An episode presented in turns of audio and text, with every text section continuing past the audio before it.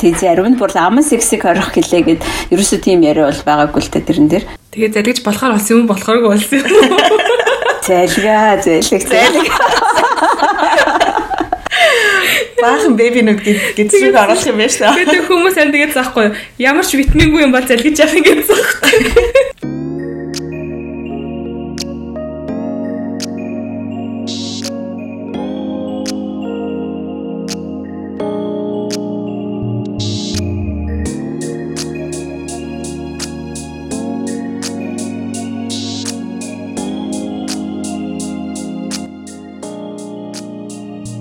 За даваа гаргийн өглөөсөн байна.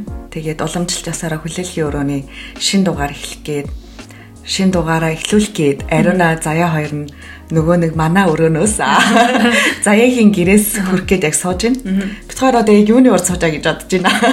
Манай манай гэрийн пааны урд сууж байна дараад.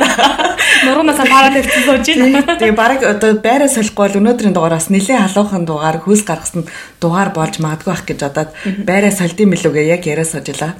Тэгээд өнөөдөр өнөөдөр манад нэг айгүй танил хоолойтой бидний өмнө танилцчихсан нэг хүн орж байгаа. Тэгээд ямар хүн орж байгааг танилцуулах уу? За тэгээ. 3 дугаар сизон эхлээд те хамгийн анхны дугаар зөвхөн эмгтээчүүдэд зориулсан дугаар гэд нэг гачигтай дугаар оруулсан байгаа бит хоёр. Тэгсэн чинь манай ирчүүд хөшөө ээж юу болж байна. Хүлээлгээр одоо ингээ зөвхөн эмгтээчүүдэд зориулж байгаа юм уу гэдэг айгүй их тийм сэтгэлүүд орж ирж исэн. Тэгээд тухайн үед болохоор зэрэг бит хоёр хэлжсэн байхгүй юу. Зөвхөн ирчүүдэд зориулсан бас нэг дугаар бит хоёр хийнэ. Жохон хүлээж агаарэ гэж хэлжсэн. Тэгээд а одоо энэ зөвхөн ирчүүдэд зориулсан нэг дугаар хийх гээд гурван бүсгүй сууж байна. Тэгээд зөвхөн эмгтээчүүд эрэгтэйчүүд сонсож байгаа бол гэж би бодохгүй байна. Манай бүсгүүчүүд ч гэсэн сонсож байгаа яг нөгөө нөхөртэй хайртай, найзлуутай хайртай тий өөрийнхөө одоо бас эрүүл мэндэ санаа зовж байгаа бүсгүүчүүд маань эрчүүдийн ертөнцид юу нэг юу болдог тухай бас одоо бас мэдхийг хүсээд хан сонсож байгаа гэж бодож байна. Тэр бүх хүмүүстээ бас өнөөдөр юм төргий. Тэгээд бит хоёр уламжлал ясаараа манай одоо хүлээлгийн өрөөний бараг эхтэжүүдийн эмч гэж нэрлж болохоор тий насаа хичээ. Амар өмчлөсөн шүү тэгэлж яа. Хүлээлгийн өрөөний эхтэжүүдийн эмч насаа хич байгаа. Би дахин урьж оролцуулаад байна. За Адам инглигээр сэн сайхан юутай насаа хичээ. За манай эмнэлгээр үйл ажиллагаа хэвээ сайвж байгаа. Тэгээд би бол эрэгтэйчүүд маань эрүүл мэндэд маш их анхаардаг болж байгаа гэж маш баяртайгаар хэлмээр байгаа. Тий, тэгээд асуултууд э, ерөн дээрээс нь хүмүүсийн өөртөө тавьж байгаа анхаарал хандлага их өөрчлөгдөж байгаа. Тэгээд заримдаа ч бүр баг э, надаас илүү мэдлэгтэй хүмүүс орж ирэл намайг баг л намайг шалгаад байгаа мó гэмээр ч хүмүүс заримдаа орж ирэх юм биш үү? Гурлаа нэг гой дугаар хийснээс хойш хүмүүс ер нь хэр хүлээлгийн өрөө гэж ярьж очиж байна. За яг онцолж ярьсан хүмүүс ирсэн шүү нэлээд ирсэн. Аха. Би бүр э, нэг онцолж хэлмээр нэг бүр 68 та ах ирсэн. Тэр хүн би Тэгэхэд э, бас гайхаж байгаа байхгүй юу? Би подкастыг ерөнхийдөө их залуу насныхан л нэг ер нь нэг э, за нэг 20-с 40 насныхан 40 50 насныхан ч юм бол голцоо сонсдог бахтаа гэж бодсон чи тэр хүн баг 70 хүрэх гэж байгаа. Аа тэгээ подкаст сонсоод ирлээ гэж хэлэхэд надад бол аягүй сайхан санагдсан. Бас цаг үетэйгээ алхах чинь тэр хүн дээрээс нь бас э, мэдээлэл авах гад мэдээлэл авчаад тэрнийхээ мөрөөр бас өөртөө анхаарал тавиад тэр чинь бас өөртөө ганцхан биш бас гэр бүлийнхаа үнд анхаарал тавиад ирж байгаа байхгүй юу. Тэгэхээр надад их сайхан санагдсан. Тэгээд бас э, энэ нөгөө сошиал буюу олон нийтийн сүлжээний бас давуу тал бас харагдчихсан. Аха. Тэр ахтаа онцгойлон бас бид гурийн зүгээс сайн уу гэж хэлье. Гоё шүү. Та цоглог шүү гэх. Тийм та цоглог шүү. Аха. Тэгээд насаа ихчд насаа ихтэй хийсэн дугаараас хойшоо эрчүүдээс бас айгүй олон мессежүүд ирсэн л дээ. Энэ асуултыг асуугаа өнгөрүүлсэн байна. Энийг асуугаад өгөөч ээ. Эндээ тодорхой бас мэдээлэл амар байна гэдэг ч юм уу те хэд хэд асуултууд ирсэн. Тэрийг бас танаас шууд асуугаад явчих гэж бодож байна. Тийм. За тэгээд би бас нэг юм дундуур нэлчих үү. За тийм. Нэг онцгой зүйл нь яг нөгөө одоо 11 сар маань November буюу эрэгтэйчүүдийн эрүүл мэндийг дэмжих юм хөдөлгөөн олуулсад байдаг шүү дээ тий. Тэгэхээр энэ сард бас яг ингээд хүчээр тааруулаагүй мөртлөө бас таарчлаа. Уг нь 100 битгэд бас нэг хийх гээд бас нэг цагийн бас аль альныхын зав таарч өгөхгүй байгаад энэ дугаарыг хойшлуулсан байгаа тийм. Тэгээд яг цагаа олсон бас дугаар эрэгтэйчүүдийн эр хүн гэсэн энэ аяны маань хүрээнд нэг сарын аяны хүрээнд эр хүн бүрт хайр бий гэдэг энэ аяны хүрээнд. За тэгээд нөгөө Твиттерийн 20к клубийнхан за адам амьлгээс хамтран санаачлаад энэ хөдөлгөөнийг бол бид нар энэ 11 сарын 11-ээс эхэлж байгаа. Тэгэхээр энэ хөдөлгөөний хүрээнд бид нар ирчүүдээ илүү их анхаарч эрэгтэй хүн бахын давуу тал, эрэгтэй хүнд тохиолддог асуудлуудын талаар бас ярьж байгаа. Тэгээд энэ дээр бид нар бас эмзэг сэдвүүдээ өнөөдөр энэ хүлээлгийн өрөөнд бас ярих гэж байгаа бас их баяртайгаа. Тэгээд энэ дугаар дотор бас нэг бэлэг нуугдсан байгаа. Тэрийг бас юуны өмнө төрүүлээд хэлчихье. Гэтэ аль нэг одоо тэ хэсэгт нуугдсан байгаа учраас та нар бүрэн сонсоорой. Тэгээ хин төгчээ тэ. Тий, тэгтэйг тэгээд энэ чинь бас их супер сюрпризтэй тэ. Тий штэ гой сюрприз бидгээр бэлдсэн байгаа шүү. Тэр яаж байгаа юм хүмүүсийг бүр ингэ тэ. Айгуу одоо гүйлгэж байгаа штэ. Тэгвэл таа болохгүй штэ хаан гэж магадгүй чи. Тэгэхээр бүр заавалчгүй бүрэн сонсох хэрэгтэй болж байна тэ. Тий чи өөртөө хэрэгтэй юм сонсож байгаа юм чи сонссон дээр штэ. Аа за инээдасаа. За За хамгийн ихний асуулт болохоор зэрэг ингэж ирсэн байна хүмүүсээс эрэгтэй хүн огт бэлгийн харьцаанд орохгүй байх нь ер нь сөрөг нөлөөтэй байдгүй ямар өөрчлөлт би одоо физиологийн хувьд орох вэ гэсэн байна.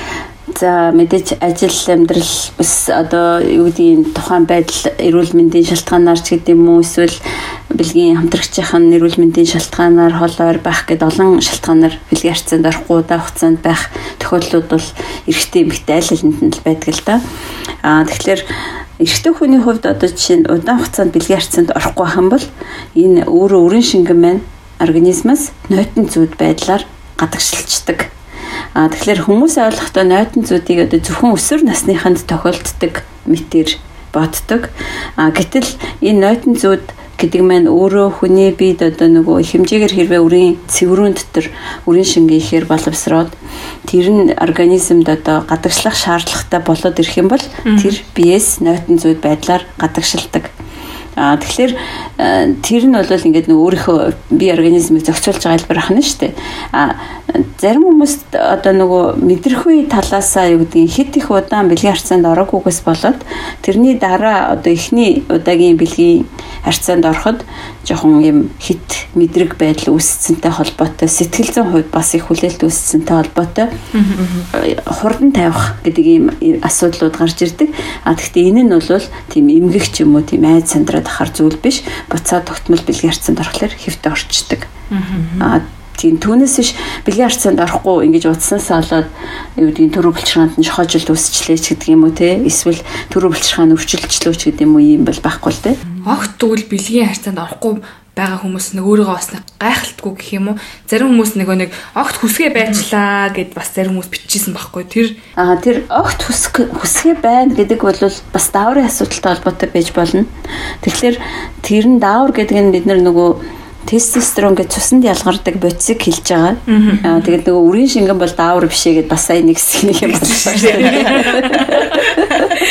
Би ч баг хүмүүс ягнуулаа тий. Уг нь яг тийм тэр тестостерон гэдэг юм чинь цуснд байдаг болохоос ш үрийн шингэнд байдгүй мал гэж хэлсэн чинь тэгээд яг тэр чинь нөгөө хошин байдлаар хүмүүс төгс төрөхийн тулд даавар байхгүй гэж хэлээ. Тэгээ буур инээд юм болсон. Тэсвэлтэйч би шиг шиг тайлбар хийсэн ч үлдээ. Аа Хоёрт нь юу гэхээр тестостерон цуснд багасна гэдэг маань бэлгийн дур сонирхол буурах нэг шалтгаан болдог. Одоо нас ахиад ирэхлээр ялангуяа одоо 65-аас дээш наснд энэ бэлгийн даавар гэдэг юм бол эрс буураад ирдэг л дээ. Тэгэхээр тэр үед бол ер нь хүний бэлгийн дур сонирхол нэлээд эрс багасаад ирдэг. Секс бодох, секс бэлгийн харьцаанд. А тэгвэл эрэгтэй хүний бэлгийн одоо харьцаан заавал тэдэн наснда зогсно гэсэн юм ерөөсөө байдаггүй давуу талтай. А тэгвэл эрэгтэй хүн бол одоо жишээ нь үгдийн 70 80 хүртэл чинь э, төмсг нь хэрвээ хэвийн ажилжил байгаа бол тестостерон хэвийн байгаа төмсгнөөс эр бэлгээс нь үүсэж байгаа бол бас хүүхэдтэй болгох чадвар бол бас байж л байдаг. Аа тий тэгэхээр одоо бэлгийн дур сонирхолгүй болчлоо гэдэг нэг асуудал бол бэлгийн дур сонирхол буурах нэг асуудал ахна. А гэтэл огт бэлгийн сонирхолгүй ч гэдэг юм уу? Бүр өшөө гэхдээ нөгөө талдаа бас хүмүүсийн бэлгийн чиг хандлага дотор. Аа огт бэлгийн харьцаанд ордоггүй asexual буюу огт бэлгийн амьдралгүй хүмүүс гэж бас цөөхөн тоогоор бас тодорхой байдаг л да. Тэгэхээр бид нэр өнөөдөр бол тэр талаар биш зүгээр тогтмол бэлгийн харьцаатай байжгаад бэлгийн харьцаанд орох сонирхолгүй байгаа гэдэг асуудлаар ярьж байгааг бас ялгаж салгаж ойлгоорой гэж бодож байна. Тэр талаас нь бол бэлгийн сонирхол нь үнэхээр буурчаад удаан хугацаагаар одоо сараас дэш хугацаанд одоо сонирхол нь үнэхээр төрөхгүй байгаад яваад ивэл одоо нэг талаас эмгэг асуудал байж магадгүй эсвэл ямар нэг өөр бусад юмны нөлөө хийж магадгүй эмийн бодисын ч юм уу эмчилгээний ч юм уу эсвэл чихрийн шижин өвчний ч юм уу те эсвэл даавар буурж байгаа одоо өөр бусад шалтгаанууд байж ах магадлалтай. Тэгэхээр тийм тохиолдолд эмчид очих хэрэгтэй гэсэн үг байна. Зөв зөв. Төрөө насыг чи нөгөө нэг ярьсан дээр нөгөө нэг бөө юм болооч ш Twitter-ээр ч нэг Facebook-ээр ч нэг залгиж болох юм уу болохгүй мүү гэсэн шүү дээ. Аа тийм зарим нь бүр аман сексиг орох гэлээ гэд ерөөсөө тийм яриа бол байгаагүй л та тэрэн дээр. Тэгээ залгиж болохоор болсон юм болохооргүй болсон юм. Залгаа залгих залгих. Баахан беби нүд гэдгийг оруулах юм байна шүү дээ. Тэгээ хүмүүс амь тэгээд заахгүй ямар ч витамингүй юм бол залгиж явах юм гэсэн заахгүй. Гэхдээ тэр хараа юм баггүй. Аман секс э, гэдэг нь хүмүүс ярим эрэгтэйчүүдийн бухимдаад байгаа нь бараг л э, аман секс хийхийг хориглолцсон юм шиг ойлгоод байгаа те. Тэгэхээр секс гэдэг чинь хүний эрхийн асуудал. Тэгэхээр тэр утгаараа хүн ямар хэлбэрээр секс хийх үү гэдгийг чинь эмч зөвлөд юм гэдэг бол ер нь утгагүй шүү дээ тийм биз дээ. Хүн өөрийнхөө таашаалтай байгаа хэлбэрээр нь өөрөө өөртөө хосууд тэр бэлгийнхаа амьдралын бэлгийн харьцааныхаа хэлбэрийг өөртөө сонгодог байх гэж би боддог. А гэтэл түүнээс эмч одоо юу гэдгийг чи ямар секс хийж болохгүй одоо чи залгиж болохгүй ч гэдэг юм уу тийм энэ чинь бол нөгөө хүмүүсийн өөрсдийнх нь эрхийн асуудал учраас ямар хэлбэрийн секс хийхээ насан туршсан хүмүүс өөрсдөө л шийдэх нь зүйсний асуудал ах гэж бодож байна. Сая нансавч ярьлаа шүү дээ нөгөө даавраас болоо шалтгаалаад ингээд э, хүсгүй байж магадгүй одоо хүсгүй байж байж одоо бэлгийн дур өсөлгүй болж магадгүй гэд тэгвэл бит хоёр нөгөө 2 7 хоногийн өмнө яг спорт хэрхэн нөлөөлдөг вэ гэсэн юун дээр ярьжсэн байхгүй юу? А дугаар дээр ер нь тархалт тэгээ би яг тэрийг бодож исэн чинь тархалт ер нь хэрхэн нөлөөлт юм бэ? Одоо таргалснаасаа болоод сексийнхаа чалахгүй болд юм уу? Эсвэл дур өсөлгүй болд юм уу? Эсвэл тэрнтэй таргалалт нөлөөлдөг. Таргалалт нөлөөлөхдөө ядгүй гэхээр таргалтын үед ялангуяа эрэгтэй хүн бол нөгөө дотроос таргалдаг. Дотор эрхтнүүд таргалаад сүлд нь хөвлийн одоо арьсанд ор өвхлөлт явагддаг байх нь л тий. А эмэгтэй хүн бодвол ер нь нөгөө арьсанд орох хүүхэн давхарга нь угаасаа эмэгтэй хүний чинь онцлог нь эстроген дааврын нөлөөгөөр арьсанд ороо хүүхэн давхаргатай байдаг тийм ээ. Турхаа хүмүүс ч гэсэн жоохон хүүхэд эмэгтэйчүүд. А тэгэхээр эстрогений нөлөө ихсэд ирэхлээрээ буюу одоо нөгөө эрэгтэй хүний бэлгийн даавар тестостерон нэр бэлгийн даавар нь багасаад ирээд тэгээд таргалалт яваад ирэхлээр дээрэс нь тэр өөхнөөс бас эстроген их ялгараад ирдэг энэ бэлгийн даавар гэх юм да. Тэгээд ирэхлээр нөгөө эр бэлгийн даавар чинь итэхгүй байдал дүмсгнөөс ялгараад байсан ч гэсэн зарим тохиолдолд итэхгүй байдал шилжихийг таргалалт одоо зохицуулдаг байна. Тэгэхээр хөдөлгөөнтэй мөртлөө одоо нөгөө бас э, тарган хүмүүс бас байдаг л да.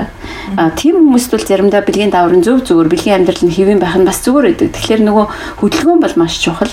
А тэгэхээр таргалалттай ч гэсэн 7 хоногт одоо бүр э, дор хаяж тогтмол нэг 3-аас 4 удаа тогтмол спорт хийдэг хүмүүсийн одоо бэлгийн амьдрал бол ер нь сайн байж идэг. Тэгэхээр юу хэлэх гээд байгаа гэхээр хөдөлгөөн бол маш чухал маш чухал.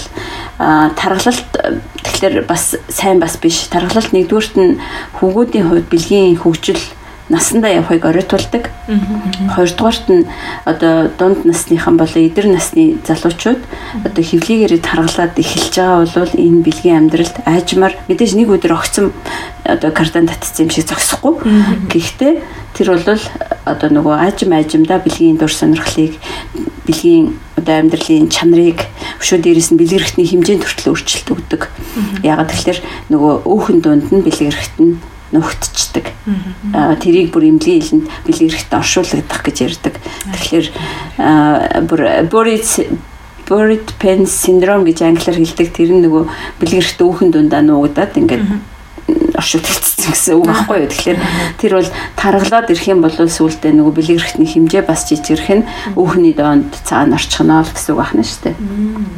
Өмдөгний уртлын эсэг хүртэл өөхлөд ирэх нь байна. Айгүй их учир тийм байж тээ. Бид нар чинь зүгээр л нөө би болохоор хар ухаанаар ингэж бододсон байхгүй зүгээр гидс нөгөө нэг ингээд дээрээс нь дараа дараа тэгэхээр зэрэгэл муудаад байх юм байна гэж бодоод. Хүн таргална гэдэг чинь ер нь бол хүний биед байгаа бүх хэсэг чигдэл таргална. Аа тэгээд тэр хөвлөө рүү таргалж эхэлж байгаа гэдэг бол дотор хэрэгтнүүд таргалснаас хожуу үүсэж байгаа учраас тэр дахиад хөвлийн гадна өөх гэдэг маань зөвхөн хөвлий биш тэр умдаг хөл гар тий гутал хувцсан хүртэл ингээд нөгөө хүн таргалаа гэхэд гутлын арцмаар хүртэл нэмэгдээд эхэлдэг дээ. Тэгэхээр тэр өөх чинь э, суцны хананд хүртэл бас сууж байгаа. Тэгээд хүний биеийн одоо өөхөлж болох бүхэл газар өөхлнө л гэсэн үг. Сонсч нь манай ирчүүдээ. Нэмээд бас нэг мэдээлэл яллаа шүү та нартай. Тэгээд ирчүүдээс ирж байгаа мэдээлэл одоо н асуултуудаас бас нэг айгу сонир санагдсан юм нь ер нь яг яаж угаа цэвэрлэх хэвтэй бэ гэдэг асуудал бүр айгу олон ирсэн байхгүй. Тэгээд би яг тухайн үедээ 1 2 ихээр зэрэг аа за энэ талаар дэлгэрэнгүй явах хэрэгтэй байна да гэж бодож ирсэн. Айгу олон тавтагдаад ихээр зэрэг хүүшээ эн чинь бүр нэрээ юм асуудал юм уу гэж айгу гайхчихсан. Тэг яг үнэ би бас э, ер нь бол энийг бас тийм чих асуудал биш байх гэж эхлээд эрэгтэйчүүд юмч болохоос өмнө бас боддог л байсан л та. Тэгсэн чинь энэ бол бас асуудал юм байна. Яг тэгэхээр биднэрт 10 жилээс нь эхлүүлээд биднэрт энэ эрүүл ахуйн талаас тэр дундаа эмзэг эрэгтнүүдийн эрүүл ахуйн талаас биднэрт ямар ч хичээл зааж байсангүй шүү дээ. Эмчнэр эмчнэрт байсан ч гэсэн одоо та ингээд гараа угаагаарай гэдэг юм мессежийг бол бид нарт бага наснаас нь эхлүүлээд хүн болгонд одоо заадаг тий шүдэ угаагаараа гэдэг болов шүдэ хэрхэн яаж угаах вэ гэдгийг одоо сүүлийн 20 жил манай шүдний салбар маш сайн өгдсөн учраас шүдэ жишээ нь хөндлөнгөөрөө үрж биш. Одоо босоо чиглэлээр нь завсрынхан дагуу угаадаг юм байна. Шүдийг утсаар цэвэрлэх ёстой юм байна. Ч гэдэг юм ингээд маш юм детальчилсан юм техникийн талын зааж өгч байгаа байхгүй юу. Тэрэн шиг ер нь бол угаах нь нэгдүгürt Монгол эрчүүдийн хувьд нэгдүгürt ихэнх нь нөгөө тэр хийний хайрсыг ахуулаагүй байдаг. Соёлын онцлогоос болоод а тэр нь нөгөө угаадгүйгээс болж эмэгтэйчүүдийн тэр дундаа Монгол эмэгтэйчүүдийн дунд умаа үзүүний хортой хавдрын өвчлөл маш их байдаг. Эмэгтэйчүүдийн хортой хавдрын өвчлөл дотор одоо илэгний хавдар, хөхний хавдар, умаа үзүүний хавдар гэдэг бол тэргүүлж явдаг. Тэгээд умаа үзүүний хавдар гэдэг маань өөрөө тэр шодоо угаадаггүйтэй холбоотой Монгол эмэгтэйчүүдийн дунд их гардаг бахны. Тэгэхээр бид нар гараа угаадагтайгаа адилхан өдөрт тийм олон удаа биш өдөр бүр заавал угааж явах хэрэгтэй нэгдүгээрт хоёрдугаарт савндаж биш зүгээр ердийн усаар тэрхийн ярьсыг хош нэргүүлээд тэр одоо ховл одоо зарим хүмүүс дитэмч гэж ярьдаг, малгайч гэж яриад байдаг. Тэр хиний толгой хэсгийн арын тэр ховлыг тогтсон тийм цагаан өнгөр байдаг. Тэр бол тослогийн болчирхай. Нас ялгарч байгаа шүүрэл. А тэгэхээр тэрнийг цэвэрлээд тэгээд савндахгүй ердийн усаар угаачлах хэрэгтэй. Угаасныхаа дараа буцаагаад арсыг нь анх байсан байдалд нь буюу буцаад урагшин толгой хэсгийг одоо бүтээсэн байдалд оруулаад орхино. А савндаа дах нь ямар учиртай э, сөрөг нөлөөтэй байдгүй гэхээр тэр тэрхний ховл дотор ялгардаг одоо шүүрэл бол өөрөө бас нянгийн эсрэг үйлчилгээтэй байдаг. Тэгэхээр тэр одоо нөгөө болчирхаан шүүрлийг хитих угаах нь нэгдүгürt шүүрэл нь улам ихсэж өгдөг. Ихснээсээ болоод бас заримдаа нөгөө толгой хэсэгт тогтох цагаан өнгөрийн хэмжээ ихсдэг. Аа тэгээд тэр дээрэс нь нөгөө угаахгүй эсвэл заримдаа угаахгүй олон хоног болохоор тэр орчинд нөгөө ялгарсан тослогийн шүүрэл дээр нь агааргүй нянгууд бас үрждэг. Аа тэгээ бас чиглэг орчин байгаад ахлаар тэр нөгөө угаахгүй байгаагаас болоод хөхөнцөр вирусын тээгч болдог эрэгтэйчүүд. Тийм. Тэгэхээр нөгөө хөхөнцөр вирус гэдэг маань одоо хөхөнцөр хүний хөхөнцөр вирус, папиллома вирус гэдэг сүүлийн үед яриад идэг штеп Монгол эмэгтэйчүүдэд умаа үзүүний хортой хавдар үүсгэж байгаа нэг шалтгаан бол энэ хөхөнцөр вирус их юм аа. А тэгтэл энэ вирус нь эрэгтэй хүмүүст бол ихэнхдээ тээгчээр ямар нэгэн сөрөг нөлөө багтай. За зарим хүмүүст үү ургацаг гаргадаг. Тэр дотроо маш олон хэв шинжтэй байдаг. За одоогор бол нэг 20-30 хэв шинжийн одоо Улаанбаатар хотод бол шинжилж байгаа. Зарим нь хавдрын өндөр эрсдэлтэй, зарим нь хавдрын бага эрсдэлтэй гэдээ ялгаж байгаа. Тэгээд тэрвээ хавдрын өндөр эрсдэлтэй гэсэн ийм хэв шинжийн одоо хөхөнцөр вирус шинжилгээнд нүрийн шингэнд илэрх юм бол эхнэр нь бэлгийн амтрагч нь жил бүр зарим тохиолдолд 6 сард заримдаа бүр эмчийн заасан хугацаанд заавалчгүй мөн зүүнээс хавдрын эсийн шинжилгээг өгж байх ёстой. Урьдчилан сэргийлж. Тэгэхээр энэ бол эргээд ганцхан эрэгтэй хүний асуудал биш. Хосуудын бүгдээрнгийнх нь өвшөө бүр цаашаа хавдар гэдэг маань ямар ноцтой байлээ. Тэгэхээр бид нар энэ тухайн хүний эрүүл мэндэд бүтэн бие организмд намтдаг гэсэн үг. Зөв зөв зөв. Ингээд нөгөө эмгтээчүүд болохоор зэрэг бариу дотор зүмсгөр зэрэг ч юм уу нэг юм бас сөрөг нөлөөтэйгээд байдаг та. Эрэгтэй хүмүүст маань бас тийм байдгүй. Одоо материал нь ямар байх хэвтэй гэдэг ч юм аль нь илүү бие дэвтэйхэн тэр нөгөө суул одоо чанга байхаасаа байлгүй яг хуу ялангуяа төмсгний судасны өөрчлөлттэй ирчүүд гэж их байна л да. Энэ varicocele гэж яриад байдаг төмсгний вены судасны өргөн эрэгтэйчүүдэд. Одоо хит их одоо нөө агаар нэвтэрдэггүй нилон материалтай дотор утас өмсөхгүй байх. За даван дотор бас нилооны орцтой байвал нилооных нь орц нь бага байх. Тэгээ болж игэл даван цэвэр даван материал дотор өмсөж ивэл нэгдүгээр сайн байх нь. Хоёрдугаар яг зарим тохиолдолд зарим хүмүүс бариу төрсийг өмсөхийг зөвлөдөг. Тэр бол одоо нөгөө суцсны өргөсөлттэй тэр нь унжаад явган явах үед спорт хийх үед өвдөд идэг хүмүүст бол бариу юм дэше өргөгчтэй төрсийг өмсөж ивэл илүү зүгээр байдаг. Ялангуяа гүүх харах үедээ. Аа тэгээд гэтэл бас төмсгөр нь өвддөг өөр шалтгаанууд бас байдаг л да. Ганцхан судснаас биш төрөв булчирхан амааралтай бас суух үед удаа машин барих үед төмсгөр өвдөд идэг. Тийм хүмүүс бол бариу биш сул төрсийг нь зүгээр идэг. Одоо нэг эмэгтэйчүүд левч өмсдөг шиг л байх те. Одоо нэрхтэн одоо ингэдэг нүдэн шиг сойгоод ингээд нэг юм хөдөлгөөн цаад очлуулахгүй ингээд барьцдаг юм. Тийм шүү дээ. Тэр чинь хүний лидер хэрэгтэй юм чинь те. Бид нэр эмэгтэй хүмүүс чинь хөхөвч бас ингээд зөвхтэй бид нэр гадна гоё үзэмжнээс илүү бие дэвтэй байдлыг маш их чухалчилдаг дээ тий. Тэгэхээр тэр чинь нөгөө нухахгүй байх хэвээр бас дээрэс нь шахахгүй байх хэвээр тэгээд дээрэс нь хөлөргөхгүй байх хэвээр гэдэг шиг яг л ялгаагүй. Тий яг л ирчүүд бас адилхан. Тэгээд мэдээч хэрэг харин бас дотор хувцас харин өдөр болгон сольж явах хэрэгтэй. Тэгэхгүй бол дотор хувцсанд ийм анхаарал тавьдаггүй тийм ирчүүд бол бас нэлээд байдаг л да эрэгтэй үнэл эмчин гэдэг үднээсээ тийм тэгэхээр дотор хувцас маш сайхан цэвэрхэн өдөр болгон шин угаасан төрсийг өмсөж явах хэрэгтэй. Өдөр болгон дотор хувцастайгаа адилхан бас э, шодог бас угааж явах хэрэгтэй. Сая төрсөг ярьсан чинь нөгөө нэг юм сул төрсөг өмсөх хэрэгтэй гэсэн чинь нэг юм сул төрсөг өмсөө төрсөг нэг жагаар нэг юм өмсөх төрсөг гарцсан тийм. Яг тийм санаанд ороо бүр инээ төржил. Тийм балаа юм бодож инийг тагцаа. Яа, тохны бодлыг ялтав юм ярьж чадахгүй гэсэн шүү дээ. Тэгээ нэг өдөр болгон төрсөг өмсдөг угаах хэрэгтэй гэсэн чинь тийм эрэгтэй хүн зориулсан өдөр тутам байдг юм ба. Урнаана наачдаг. Онцгүй шүү дээ тэгсэн суугаач исэн дээрээ те. Цэвэрхэн төрсийг хүмсчихсэн дээрээ. Бид хоёрлоо бас айгүй их нөгөө орж ирсэн э, мессежүүдээс шүүгээд харсан чинь нэг нэг асуулт бас байсан байхгүй. Тэр нь болохоор шээс задгаарах өвчний үед яад юм бэ? Ямар шинж тэмдэг илэрд юм бэ? Эрэгтэй хүмүүс гэсэн нэг тийм асуулт байсан. Тэрэн дээр та нэг хариулт өгөөч.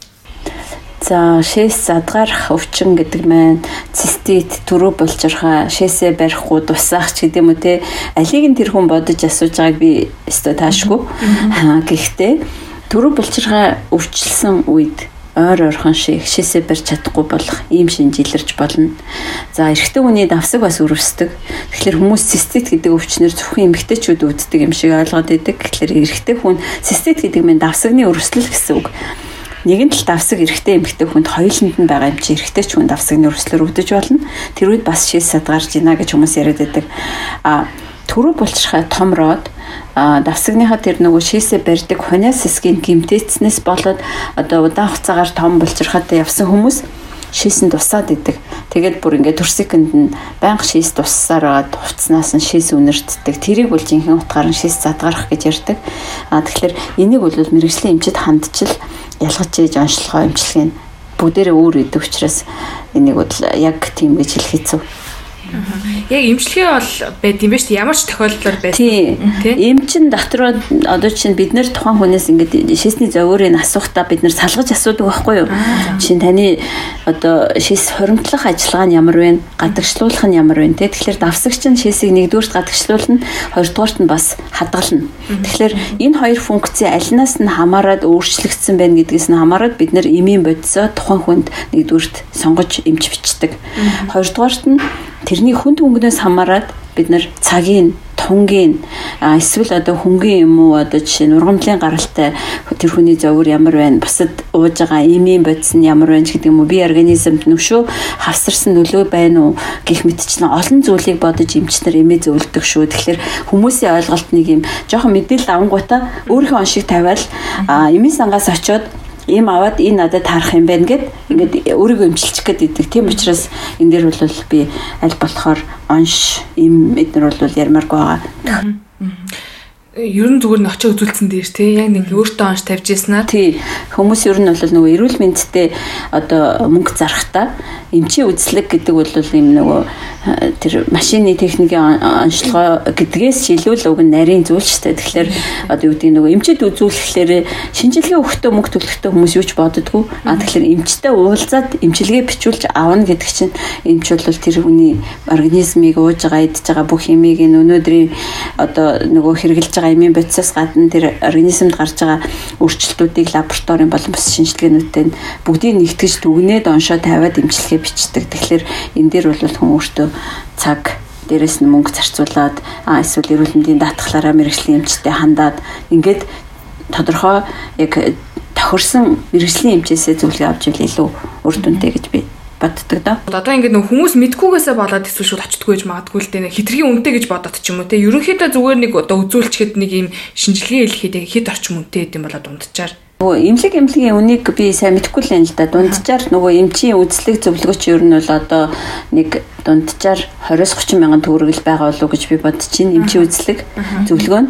Аа тэгээд дээрээс нь шинжилгээ яхаа гэдэг юм чинь бол нөгөө хүн бүрт адилгүй учраас жишээ нь төрөв булчирхааны багцын онцлогоо гэхэд чинь зарим хүнд хийх шаардлагатай байж магадгүй заримд нь шаардлагагүй ч байж магадгүй зарим хүн өөр газар шинжилгээ хийлгэсэн байж байгаад аваад ирдэг. Тэгэх юм бол тэр хүн зөвхөн зөвлөгөөг нь өгчөж болно а зарим хүн яхаггүй байж болно те. Тэгэхээр ер нь бол зүгээр төрөв булчирхааны вакцины онцлогоо гэхэд манай дээр бол нэг 120 мянган төгрөгийн үнэтэй байдаг.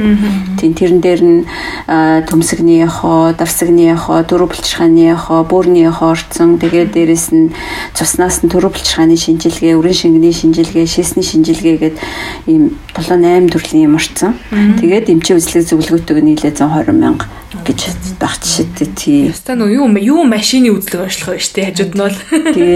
Тий. Тэгээд бөөр эднэр чинь бас тэрэн дээр давхар гараад ирнэ бөөр шийсний үйл ажиллагаас гараад ирнэ тэгэхээр бөөрийн асуудал байх юм бол биднээс давхар эмчилгээ зөвлөд явцдаг. Тэгээд хэрвээ өөр асуудлаар ч юм уу тий одоо бэлгийн замын халдвар эсвэл өргүүдэлч гэдэг юм уу эсвэл бэлгийн үйл ажиллагааны асуудал гэдэг тэгэхээр тэр чинь нөгөө нас насандаа тохирсон онцлогооны зорилгууд нь өөр өөр болоо явцдаг нөгөө юу байдг одоо жишээлбэл хідэн настайгаасаа очиж үзүүлэх ёстой вэ гэсэн одоо юу гэдэг нөгөө нас насны нэг эмэгтэйчүүд 30 хүрээд 30 настайдаа нэг чек бүрэн чек хийх ёстой гэдэгтэй. Тэнгүүт эрэгтэй хүмүүст одоо хизээ чек хийх ёстой. Тий, байдаг л да. Жишээ нь э, хүүхдүүдэд бол жишээ нь дөнгөж төрөнгөт нь юуг нь үзэх юм. А энийг бид нэрийг энэ эрхэм аяны хүрээнд бас э, ер нь бол поструудаар оруулж байгаа юм. Юу гэхээр бага насны хүүхдэд юуг нь анхаарах хэвтэй энэ хөрчгөө талаас нь? А шилжилтийн насны жишээ нь юуг нь анхаарах хэвтэй насандаа бэлгийн хөгжил нь явж гин үгүй юу? Жишээ нь эрэгтэй хүүхдийг 14 нас хүрээд бэлгийн хөгжил нь эхлэхгүй юм бол заавал эмчид авчиж үзүүлээч гэж ээж аав нарт хэлмээр байгаа юм. 11-ээс 14 наснд эрэгтэй хүүхдийн бэлгийн хөгжил бол явагдаж эхэлдэг. А тэгтээ удам генетикийн онцлогоос болоод хүн болгон 11 наснд ч юм уу 10 наснд ч юм уу эхлэхгүй. А гэхдээ одоо бас хотчлт энэ хүмүүсийн хөгжил бас бас жоох өөрчлөгдөж байгаатай холбоотой зарим хүүхдэд 10 наснаас ч бэлгийн хөгжил эхэлж болно. Охтуудынх ч гэсэн бас эрт болж байгаа тийм. А охтыг бодвол хөвгүүд арай хожуу эхэлдэг. Тэгэхээр энэ үед нэг үзүүлэх хэрэгтэй. А 20 наснд жишээ нь юу гэдэг ямар нэгэн өргөдлийн асуудал байхгүй бэлгийн үйл ажиллагаанд асуудал байхгүй бол тэр хүн 2-оос 3 жил тутамд одоо жишээ нэг 30 хүртлээ ч юм уу үзүүлээд өөрийгөө ямар байна шалгаад яваад иж болно. А хэрвээ бэлгийн олон хавтагчтай болвол та мэдээч хэрэг эрсдэлтэй болгоныхоо дараа л үзүүлэх хэрэгтэй. Өөрийгөө болон өрөөлийг дараа нь одоо нөгөө халдвараас болж үүсэх сөргөнлөөнөөс хамгаалаад тий. А жишээ нь 40-оос дээш наснд бол нөгөө давтамж маань ойртоо тэр 40-оос ялангуяа 45 хүртэл бол хэрвээ асуудалгүй бол нэг 2 жилд юм уу 1 жилд ч юм уу үзүүлж хахад бол хэвэн гэж үздэг. За тэгээд 50 хүрээд ирж байгаа бол төрөвлөшгөө томорно, бэлгийн үйл ажиллагаанд өөрчлөлт орно. Тэгэхээр эдгээр асуудлууд бол жилдээ нэг удаа үзүүлээд өөрийгөө заавалчгүй хянуулах хэрэгтэй. А төрөв булчирхааны хавдрын маркер гэдэг үзүүлэлтийг бол 65-аас дээш насны хүн бол толгой дараалан 6 сар тутамд үзүүлж болно томролттой бол.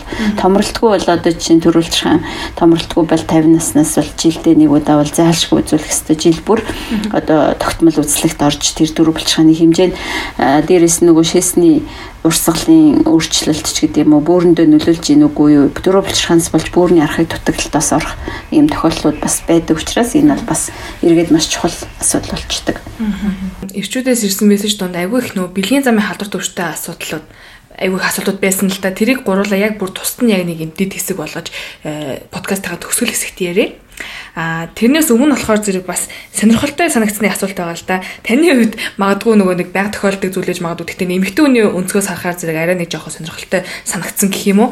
Нэг төмсгтэй байх нь үр тогтоох чадварт одоо хэр нөлөөлт юм болоо одоо магадлалыг 50% бууруулдгүй гэсэн асуулт байсан. Тэр тал дээр нэг талын төмсг нь месслаар ч юм уу ямар нэг байдлаар гимтлээс ч гэдэг юм уу ахуулсан тийм хүмүүс байдаг л да. А тэгэхээр нэг талын төмсгөөр хэвийн үр тогтоох амьдрал явагдана, хэвийн одоо бэлгийн харьцаа явагдана, хэвийн тестостероны одоо ялгаралт бол явагдана. Тэгэхээр тэр бол санаа зовх асуудал биш. Хамгийн гол нь нэг төмсгтэй хүн бэлгийн замын халдвар төвчнөр өвчлөх юм бол нэн яралтай хурдан бүрэн гүйц дэмжлүүлэх хэвээр. Тэгэхээр нөгөө бэлгийн замын халдвар төвчин чинь өөрөө хоёр дахь өргүүдэл гэдэг зүйлийг үүсгдэг учраас хэрвээ төмсг нь хэвийн ажиллаж исэн ч гэсэн нөгөө төмсгнөөс дамждаг эр бэлгийн эсийг нь одоо дамждаг замыг нь бэлгийн замын халдвар авчаа сорвжуулаад битүүлчих юм бол тэр хүн өөрөөрөө хүүхэдтэй болох боломжгүй л болчихно гэсэн үг. Тэгэхээр бэлгийн замын өвчнөр л өвчлөхгүй байх хэвээр бусдаар бол асуудалгүй. Нөгөө сая сонирхолтой юм гэсэн чинь надад бас нэг сонирхолтой юм санаанд орчлоо. Одоо секси үер хийж аваад нөгөөдхөө ингээ гимтэйчлээ штэ. Одоо юу гэдэг хугарна мугарна гэж ярьдаг. Гэхдээ тэр бол хугардаг хугардгүй юу? За хугарах гэсэн тохиолдол байдаг. Тэрийг нөгөө бүр fracture гэдэг тийм анш байдаг. Аа тэр нь яг хүчтэй эвгүй одоо секс хүчирсэн байх үед хөдөлгөх үедээ одоо шодой чинь өөрөө гадна талаараа маш олон давхар ийм хальсан бүрхүүлтэй байдаг. Тэгэхээр тэрний уурган бүрхүүл гэдэг нэг ийм бүрхүүл нь хэрвээ урагдчих юм бол хугарал үүсдэг гэж ярьдаг. Хугарал гэдэг нь одоо бүр юм хатэрчин бол яс ч юм уу тийм шууд балчин бас биш шүү дээ. Одоо гэдэг чинь дотроо бүрэн хялгсан цусаар дүүрсэн байгаа. Цусаар дүүрсэн үед нь одоо тэр хальс нь урагдана гэсэн үг. Тэгэхээр энэ үед нэгдүгээрт нь их эвгүй чимээ гардаг, хоёрдугаарт нь ийм мөричдэг. Тэр шадан одоо нөгөө хөхөрсөн хэлбэр нь хачин болчихно гэсэн үг тийм. Аа тэгээд ийм эвгүй хөх одоо хөхөрсөн цус хурахаар ямар болдог үлээдээ дайрсан дор э, юмад гар урууга цохиод хөхөрч үзээгүй баг байхгүй болов уу. Тэгээд тийм э, цус хурсан улаан хөр өнгөтэй ч юм юм болдог. Тэгэхдээ ихэнхдээ бол хөнгөн хэлбэрийн одоо э, урагдал гэх юм да энэ бол гайгүй эмчлэхэд бол эмчл одоо баг ихэнхдээ өөр өөр идэгчдэг. Ховор тохиолдолд бол одоо бүр мэс шаардлагатай ч юм уу тийм тохиолдлууд бол болдог. Тэгтээ нэг их элбэг тохиолддгүй л. Тийм. Тэгтээ бол тохиолддог. Нэг мөрөөгд үлдсэн юунууд чинь тэгвэл тийм гимтцэн гэсэн үг юм байна шүү дээ зүг үү тий. Аа үгүй шүү бас хараа мөрөөгд үлдэх гэдэг чинь өөр бас өвчин байдаг шүү. Тийм пероны өвчин гэж бас идэг. Тийм тэгэхээр бэлгэрхтэн дотор тийм холбогч эдэн сорвжилт үүсээд тэр нь өвчрөх үед ингээд бүр морийн хэлбэр юм бүр өнцөг шиг шахуу баг юм морилт үүсгээд ах юм бол тэр өвчин байдаг. Тэгэхээр тэрийг оншилдог эмч бол яхарахгүй эргэжтэйчүүд нэмжтэйгээд тэрийг яхотоос харж тэр сорвиг нь шодог энийхөө тарна гэсэн үг шүү дээ. Тэгээд тэр сорвиг нь ялгаж олж харах хэрэгтэй бүр шаардлагатай жижигхэн бахан бол одоо энд бас онцлогооны бас өөр аргууд бас байдаг. Тийм. Тэгэхээр энэ бол өөр тустай асуудал. Тэгэхээр тэр морих тэр хуглаас болж морих хоёр ч хоёр өөр шалтгаантай хоёр өөр асуудал. Хуглаас болж морисангаа ингээд тэгшилж барих хэрэгтэй юу? Морилгаал байж явах хэрэгтэй юу? хүйтэнжийн тавих хэвээр тийм үү хүйтэнжийн тавих хэвээр тэгээд үнэхээр одоо их өвдөлттэй тэгээд тэр нь одоо хэрвээ их цус хуралт нь их ч гэдэм үү байх юм бол одоо мэрэгжлийн эмч тандах хэвээр Бүрний мэссэслийн салбар буюу урологийн салбар гэдэг бол энэ эрэгтэйчүүдийн салбарыг бол хамт авч явж идэг юм ерөнхий том салбар. Тэгэхээр бүрний мэссэслийн эмчид ойролцоох мэссэслийнхаа эмчид хандах ёстой гэсэн үг байна. асуугааг бол мэдгүй өнгөрч гинэ те. Эхний нөгөө нэг одоо аа за энэ хуурцсан юм гэж бараг бодоод өнгөрч гинэ шүү дээ харж ирсэн. Би гипсдэг байх гэж бодож ирсэн. За яаш. Нөгөө тийм гипс. Тэгээд би яг ингэж хуурцгал юм байх гэж бодоодсон байхгүй. Тэгтээ нөгөө яс байхгүй л тэгтэл нэг юм тэгшгэн болгож молгож яадаг байх гэж бодсон тэгвэл үгүй. Чи юмыг тавьж боодог гэж. Энд чи би хуурчлаа ингээ чиг дээр баацсан бариад ороод ирдэг те. Би харах хүн тэгж л бодчих. Ер нь сандруулаа айгуу. Тэ ярихгүй байхаа хинч мэдэхгүй ам л та те нэрээ. За ийм биш үү ирчүүдээ. Тэгээд нөгөө бит хоёр хүчрхийлүүлсэн одоо эмгтээтэй хийсний дугаар нэг дугаар хийсэн Тэрэн дээр зөвхөн эрчүүд одоо ингээд биш зөвхөн бүсгүүчүүд те одоо эмгтээчүүд октод хүчрхийлүүлдэг юм аа. Эрэгтэй хүн ч гэсэн хүчрхийлэлд хичрхийлэлд өртөж идэм аа гэдээ ирсэн байхгүй. Тэгээ тэрнээс хойш бас нөгөө эмгтээчүүдээс гадна айгүй олон эрчүүд холбогдож орж иж ирсэн. Баг насандаа өөрийнхөө одоо нөгөө яг туулж ирсэн амьдралаа гэх юм уу. Тэр тухайн үед болохоор эрэгтэйчүүдийн хүчрхийл. Аха. Тэр үед болохоор зөв нэг залуу биччихсэн тэрийг танаас асуу гэж бодож байна. Нөгөө баг настайдаа дөнгөж одоо нөгөө өсвөр наснд эхэлж исэн юм байна л та. Тэр үедээ бэлгийн бол одоо хүчрхийлэлд өртцсөн. Тэрэнд ядаж байгаа нөх хадам хадам гин хамаатныхаа нэг чинь байж таарсан гинэ. Тэгээ тухайн үедээ би ингээд юу ч мэдэхгүй өнгөрсөн. Гэтэл одоо сүүлд нь би одоо ингээд том болоо тий 20 гараад ингээд найз охинтой болоод ингээд хийх гэхээр зэрэг хиймээр санагдахгүй. Одоо ингээд нэм секс гэсэн зүйлээс ингээд жигчээд байна гэжсэн байхгүй юу? Тийм. Ийм тохиолдолд одоо эрчүүд маань яах хэрэгтэй гэдэм бол эрчүүдийн эмчтэр очих нь зөв юм уу? Сэтгэл зүйчдэр очих нь зөв юм уу? Хаа наадах нь зөв байд юм бэл? Сэтгэл зүйч тандах ёстой. Тийм яагаад тэгэхээр сэтгэл зүйн энэ том амар гэмтэл тэр хүнд учирсан байж тэр хүчээр хэлэлтэй. Тэгэхээр эргээд тэр бол нөгөө дараагийн бэлгийн амьдралд насан туршид амар том толб үлдсэн. Ялангуяа тэр эмэгтэйчүүдийн хувьд ч гэсэн бас над дээр ирдэг эрэгтэйчүүдийн бас нэг асуудаг асуулт нь ингэдэг. Ингээд заримдаа би бүр үнэхээр ядраад ингээд эсвэл одоо үнэхээр ядарсан ингээд секс хиймэргүй үе байдаг. Тэгэнгүүт ихнэр нь чи намайг хүсэхгүй байгаа мó чи надад хайртай биш болцсон юм уу эсвэл өөр эмэгтэйтэй болцсон юм уу гэдэг энэ үг бол өөрөө бас хүчрхийл нэг бодол юм. Ягаад тэгэхээр эрэгтэй хүн гэдэг чинь одоо эмэгтэй хүний хүссэн цагт бэлэг хэрэгт нь өвчрж идэг тийм коноф дардаг тийм автомат тийм төхөөрөмж бас биш шүү дээ.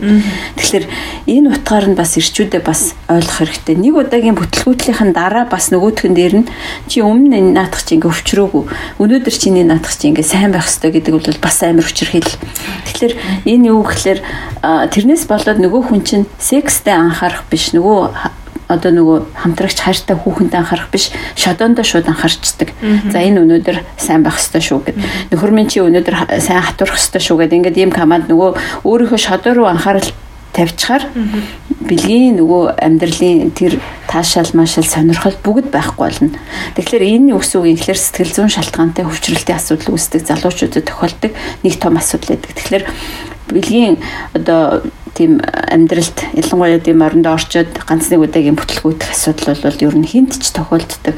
Тийм тохиолдоогүй эрчүүд гэж ер нь байдаггүй л гэж бичдэг л дээ. Тэгэхээр ийм тохиолдлуудад бол эмгтээчүүдийг хүлээцтэй байгаа ч. Дээрэс нь одоо нөгөө тийм чи яагаад ингээд намайг хүсэхгүй байгаа юм. Чиний надад хайргүй болцсон юм уу гэдэг энэ өвчин бол хүнийг бол бүр үнэхээр бас амар байдалд оруулдаг хэрэгтэйчүүдийг тэгэхээр бас хүлээцтэй байгаарай гэж хэлмээр энэ. Сараас тийш хугацаагаар хэрвээ одоо энэ асуудал үсчээвэл бас өөр асуудал ах нь. Сараас тотгошоо олвол зөв хэвэн гэж үздэг байх. Тий нэг 2 3 удаа ингээд иймэрхүү юм асуудал яхахлаар ядарсан байж болно, стрессцэн байж болно, эсвэл өөр ямар нэг шалтгаанууд одоо бас бэлгийн амьдрал нөлөөлдөг зөндөө олон шалтгаануудыг бид нэр өмнө ярьжсэн тийм арих таймах тэгэл дээрэс нь одоо бас димийн бодис модс гэж ярьжсэн тэгэхээр ийм шалтгаанууд ээжж болно эсвэл чихрийн шижин гэдэг асуудал байж иж болно. За тэгээд даралтны зарим төрлийн юм гэл ингээл олон янзын асуудлууд харшлын зарим дааврын зарим бүтээгдэхүүнүүд ч гэдэг юм үү. Тэгэхдээ одоо нөгөө даавар гэдэг үг чинь бол бас их том ерөнхий ойлголт шүү. Тэгэхээр бас энэ ялангуяа спортын тэр дундаа фитнесийн үед сүүлийн үед хэрэгжилж байгаа энэ олон уург уургнаас гадна тэнд дотор байгаа бусад нэмэлт бүтээгдэхүүнүүд бэлгийн амьдрал бас их сөрөг нөлөөтэй сүүлийн үед бас ихсэж байгаа шүү. Яг нөх хүчрхийл гэдгийг айгу тийм зөвхөн одоо секс хийснээр те тэр хүний хүчрхийлж хийснээр хүчрхийл болох юмаа гэж ойлгодог байсан ойлголтууд одоо ингээл алхам тутамдаа өөрчлөгдөөлэн л да тий зүгээр үг үйлдэлээрээ хүртэл одоо ингэж хүнийг бас хүчрхийлэлд оруулж болдгиймаа гэдгийг бас манай сонсогч нар маань сайн ойлгож авч байгаа хаа гэж бодож байна. Нэмэгтэйчүүд маань ч гэсэн ерөөхдөө бас өөрсөндөө анхаараарай гэж хүсмээр. За за сонсогч сонсогч нараас маань ирсэн асуултууд бол нэг ингээд ерөөхдөө шуударч байна. Аа тэгээ бид гуравт бол бид гурийн өмнө болохоор зэрэг бас нэг том дид зэт үлдсэн байгаа. Энэ болохоор бэлгийн замын халдвар төвчин гэсэн сэдв байгаа. За энэ дээр бол маш их асуулт байна бид хоёрт бүр одоо.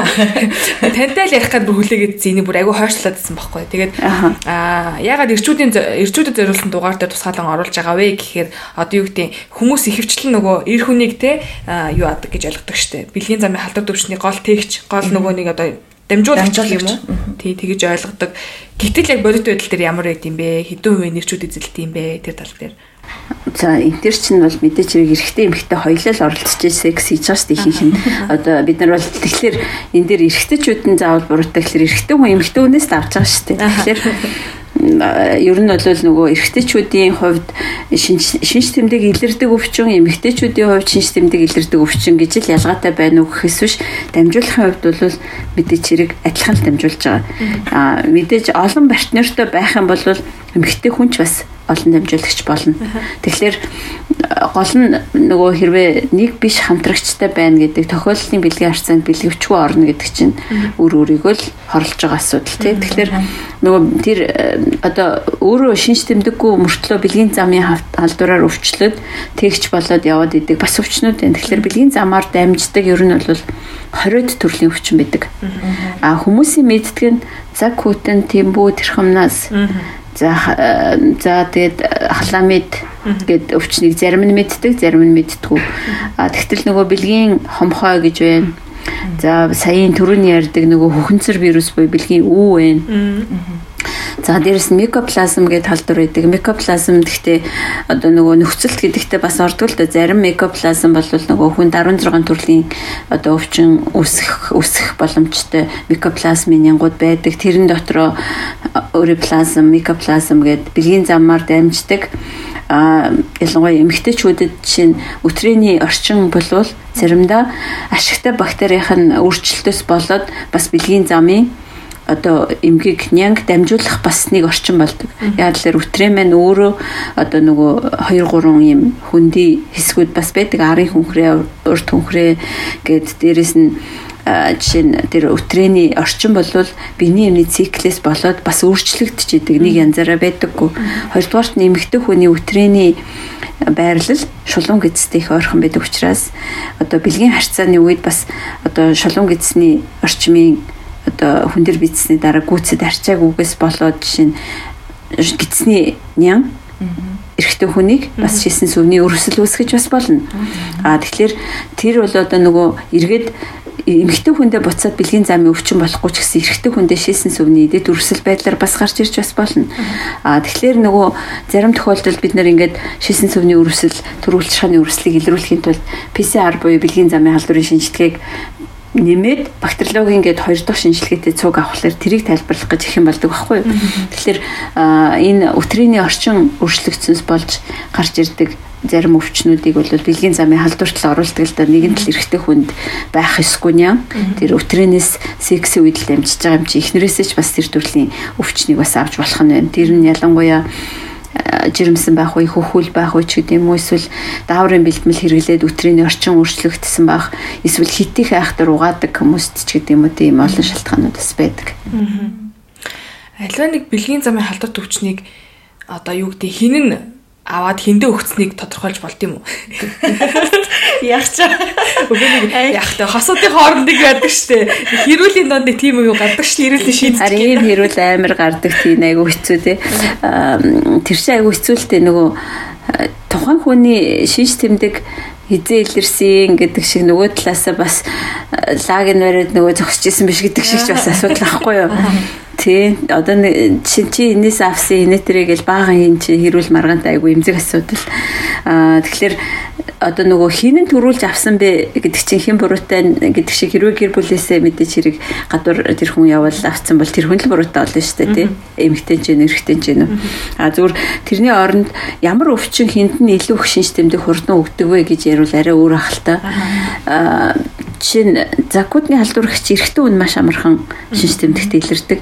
Шисэн сүгөр нь одоо жишээ нь 1-2 хоногийн дараа маш хурдандаа баг бэлгэрцэнд орсны маргаашаас нь ч зарим хүн шисэн сүвнээс нь эдэрхийг ялгацгаарал ингээд шинж тэмдэгтээ илэрдэг бол эрэгтэй эмэгтэй хүнд закутан мэддэхгүй яваад иж болдог.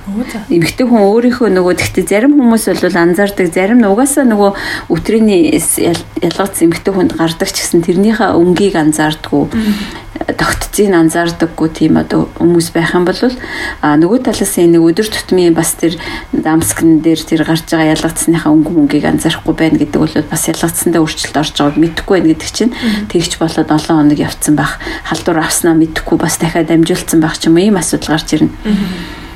Түүнээс яг одоо тэр нэмэгтэй төрүүлсэн, эрэгтэй төрүүлсэн гэж хэлэхэд хэцүү л дээ. Нөгөө нэг заавал бэлгийн замын өвчин гэдэг байгаа мөртлөө бэлгийн замаар халддаггүй мөртлөө бэлгийн замын өвчнгүүд байдаг уу? Одоо би нийтийн 0-д суудсан чинь тэрнээс болоод би бэлгийн замын өвчин гарсан юм биш. Тийм байх бодлоо л та. Тэр тэр байхгүй шүү дээ. Тэр чинь одоо нөгөө өнгөрсөн дээр үед э, гэдэг шиг л ойлголт тахгүй юу? Хуучин чинь баг хүүтэн гадаа шийдсэн чинь даарад миний шилсэн сүвнээс идэ гожод байна. Би баг нийтийн 0-д суудсан чинь бэлгийн замын өвчин авчлаа гэдэг бол худлаа л та. Тэр бол тгийж шалтахгүй. Тий. Үнсэлцэж мүнсэлцгээс бол халдахгүй юу бас? Аман секс халтна. Халтна. Аман секс бол бэлгийн замын өвчин халдуулдаг шүү. Яг тэгэхээр хүмүүс э, одоо ялангуяа аман секс хийж байгаа дараа нь бэлгэвч хэрэгэлсэн чинь халдвар авцсан байх тохиолдол бас гардаг байхгүй. Тэрний өсөө ихлээр тухайн хүн хоолой залгууртаа э, одоо бэлгийн замын халдварыг аман секс хийх үедээ авчихсан байж байгаа эмэгтэй. Дараагийн нэг хүнд аман секс хийхдээ тэрийг бас дамжуулж болох нь шүү дээ. Тэгэхээр Тий. Тэгэхээр нөгөө бэлгийн замын халдвар гэдэг чинь хоолой залгуурын ялангуяа халамид хоолой залгуурын закутн ч гэдэг юм уу тийм хэлбэрүүд бас ялангуяа халамид микоплазм дээр бол нэлээх доо. Тийм дээрэс нь бас шүлсээр дамждаг гэдэгт одоо бэлгийн хомхоо бас их ордог.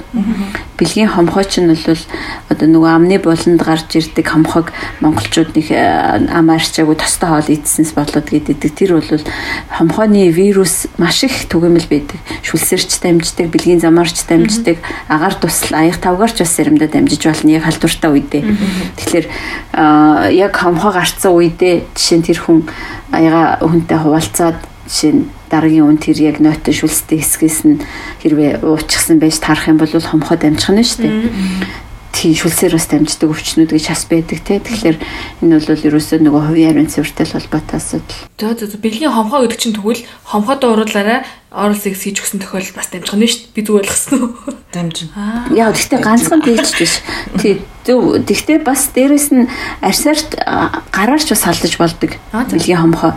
Тэгэхээр чинь бэлгийн хомхоо гарсан үедээ маш их халдвартай байдаг. Тэр хомхоо дотор байгаа шингэн нь маш их халдварыг дамжуулсан байдаг учраас өөрөө өөртөө амн дээр нь одоо чинь хомхоо гарсан байх үед тэрэн дээр одоо хүрсэн шархандаа хүрсэн гараа угаахгүй байж байгаа чинь өөрөө өөртөө халдааж бас болох нь байна. Бэлгийн эргэтэн дээр эргэтэй эмэгтэйчүүдэд одоо жишээ нарсан дээр нь бэлгийн хомгоо гарах бол бас нэлээ элбэг байдаг. Тэгээд нэгэнт халдвар нэг удаа авцсан байгаа тохиолдолд тэр хомгоо бол насан туршийн халдвар болоо үлдчихдэг. Дараа нь бэлгийн арцанд ороогүй ч байсан гэсэн тэр хүн даарсан ядарсан бүр огт гав ганцаараа байж байгаа тэр бэлгийн хомгоо гараад ирж бас болох байхгүй юу. Тэгэхээр энэ дээр одоо жишээ нь айгүй чи хаанаас бэлгийн хомгоо ирээд ирүүгээд хэрүүлээ гэдэж бас болохгүй нэ штэ. Тэгэхээр энэ бас их ярвхтай асуудал. Кэнер ямар хэцүү бэ тий. Тэгээ тэр нөгөө амар авсан вирусыг яриутчих болохгүй гэж шиг.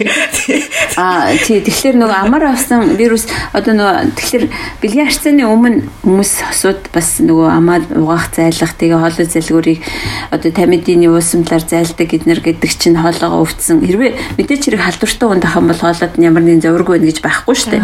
Тэгэхээр тэр хүн нөгөө удаан л бүр архаг тэгчил болчоогүй хоолой өвдөж гинэ гэдэг чинь зарим тохиолдолд ердийн нянгаар биш биш. Аман сексэс болоод хоолой залгуурт нь бас өрсөл өгцөн байх юм бол тэр хүн эмчилгээ хийхгүй болвол аа үнэхээр аман секс хийх чаавал бол амаа бас зайлах ч юм уу тий одоо бас зориултын тийм усамлууд бас байдаг л да. Э, бэлгэрхтнийг одоо эмгтэй эрэгтэй айллыг нь цэвэрлждэг бэлгийн харьцааны өмнө хийждэг тийм лама гэдэг тийм бас халдвар сэргэлдэг лаанууд холор гихстиний уусмал холор гихстиний лаад нэр гэх мэт байдаг. Тэгэхээр тийм зүйл эргэлэх юм бол бас аюулгүй байж болно. Сүүлийн үед нь юу гараад ирсэн мэлээ тийм аман секс хийхдээ ашигладаг юм альчуур. Альчуур. Тавьж байгаа тэгээ дээрлэл нь ядаг дээрлэл нь альчуураа ядаг тэр нь гэхдээ нэг тийм нэмхэн юм шиг ба тийм өргөний айлгаас шиг юм шиг ба тийм аим нэмхэн тэгээд яг хо зарим хүмүүст бол гоё байдгүй л гэсэн нөгөө мэдрэмж авдаг. Заримт нь бол зүгээр нэг За би яг наад мэдээлэл чинь бол сайн мэдэхгүй л шүү. Энэ манай энд зардаг болсон байлээ. Аа тана гадаад тоо. Соёлыг нэвтрүүлээрэ тэгвэл гэж. Нэрэд хийстэй. Юу юу. Одоо ингээл нөө үлгэр домог шиг юм ярьдаг штэ. Үлгэр домогч яах нь ингээд бид нар ингээд зураг мураг ингээд хардаг ш дээр үе ганц хоёр шиг зургнууд нөгөө тэмбүү тусцсан хүмүүс нөө хамарна ингээд нөгөө одоо тий ингээд аа тэмбүү тэмбүү онцаа. Аха аха. Тий. Тий бидний жоохон бах тийм хүмүүс эмээнэр бас мэрсээр явдаг байсан юм аа хамарна унтсан юм өвгөнөр тий. Тэр чинь нөгөө тэмбүүг эмчлээгүйгээс болоод бүр 3 4 дугаар шатандаа орцсон. Тэгээд мөгөөрсөн хамрын мөгөөрсөн ингээд тэмбүүгийн шархнаас болоод хугараад унаад тэгээд эмчилгээгүй одоо бүр зүгэлдээ идэгцэн. Мөрс нь айжмаар идэгдээд унаад тэгээ хамаргүй болцсон тийм юм инэр явдаг л лсэн. Тэр бол одоо тэмбүүгээс болоод одоо тэмбүү бол эмчлэгддэг өвчин. Тэмбүүг бол 100% эмчилж чадна.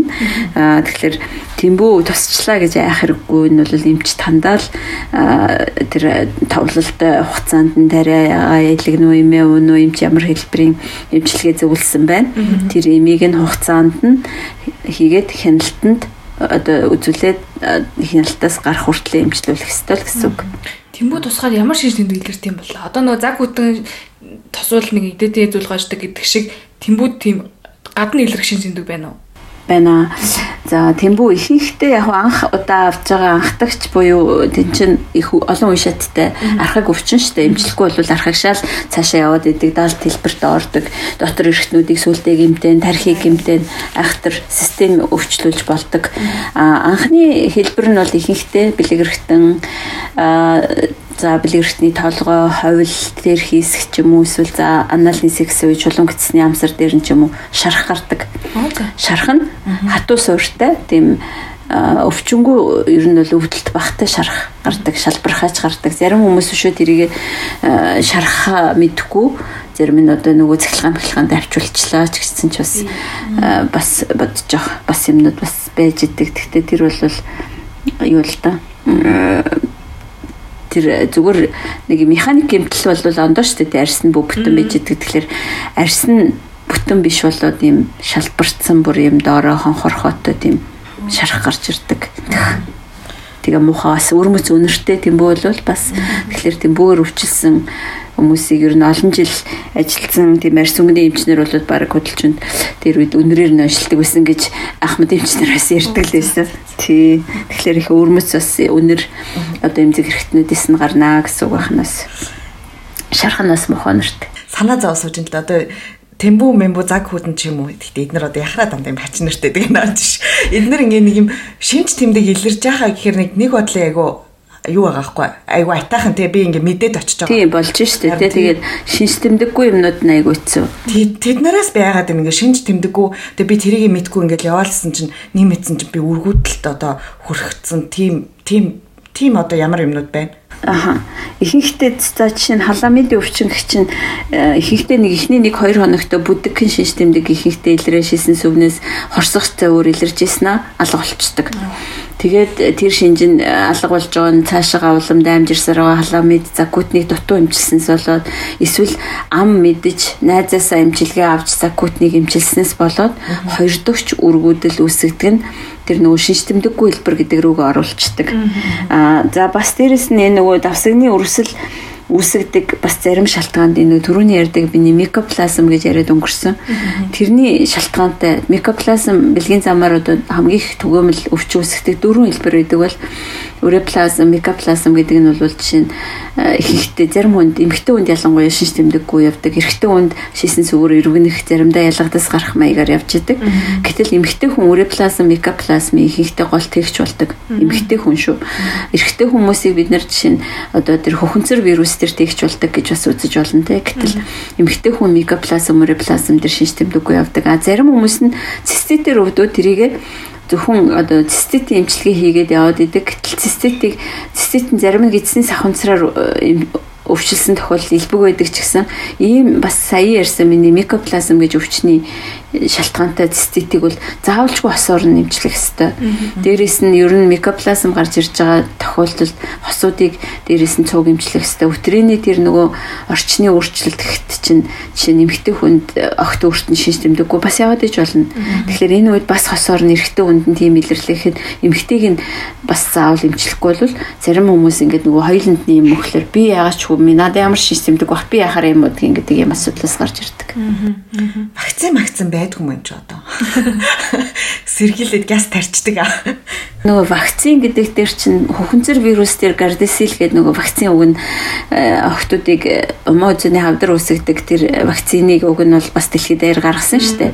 Тэгээд э, Монголд нэг орж ирэх гэл тэгсэн чинь баг монголчуудад туршилт хийх гэлээ гэл нэг юм жоохон конфликт явж ирсэн аа. Тэгээд баг э, тэр манад хэрэгжээгүй тэгээд тэр хүнцэр уг нь хүнцэр вирусны шалтгаантай хүмүүзний авдар Монгол эмэгтэйчүүдэд маш их байдаг учраас уг нь тэр вакцины асуудал явсан бол уг нь бас зөвлөл болох байсан баг гэж боддог. Гэхдээ энэ дээр бол ирчүүд маань шодоогоо сайн угаагаад дээрэс нь бэлгийн одоо хавтагч олон байхгүй гэр бүлээс гадуур харилцаагүй байх юм бол энэ бол бас сэргийлж болох асуудал л да. Эсвэл одоо нөгөө өвчийн таслах, мэс таслах хийлэгдэх ч юм уу те энэ бол бас тэр дохын халдварыг вирусыг бас эрсдлийг бууруулдаг. Дээрээс нь хүхэнцэр вирусын эрсдлийг бас хэд дахин бууруулдаг.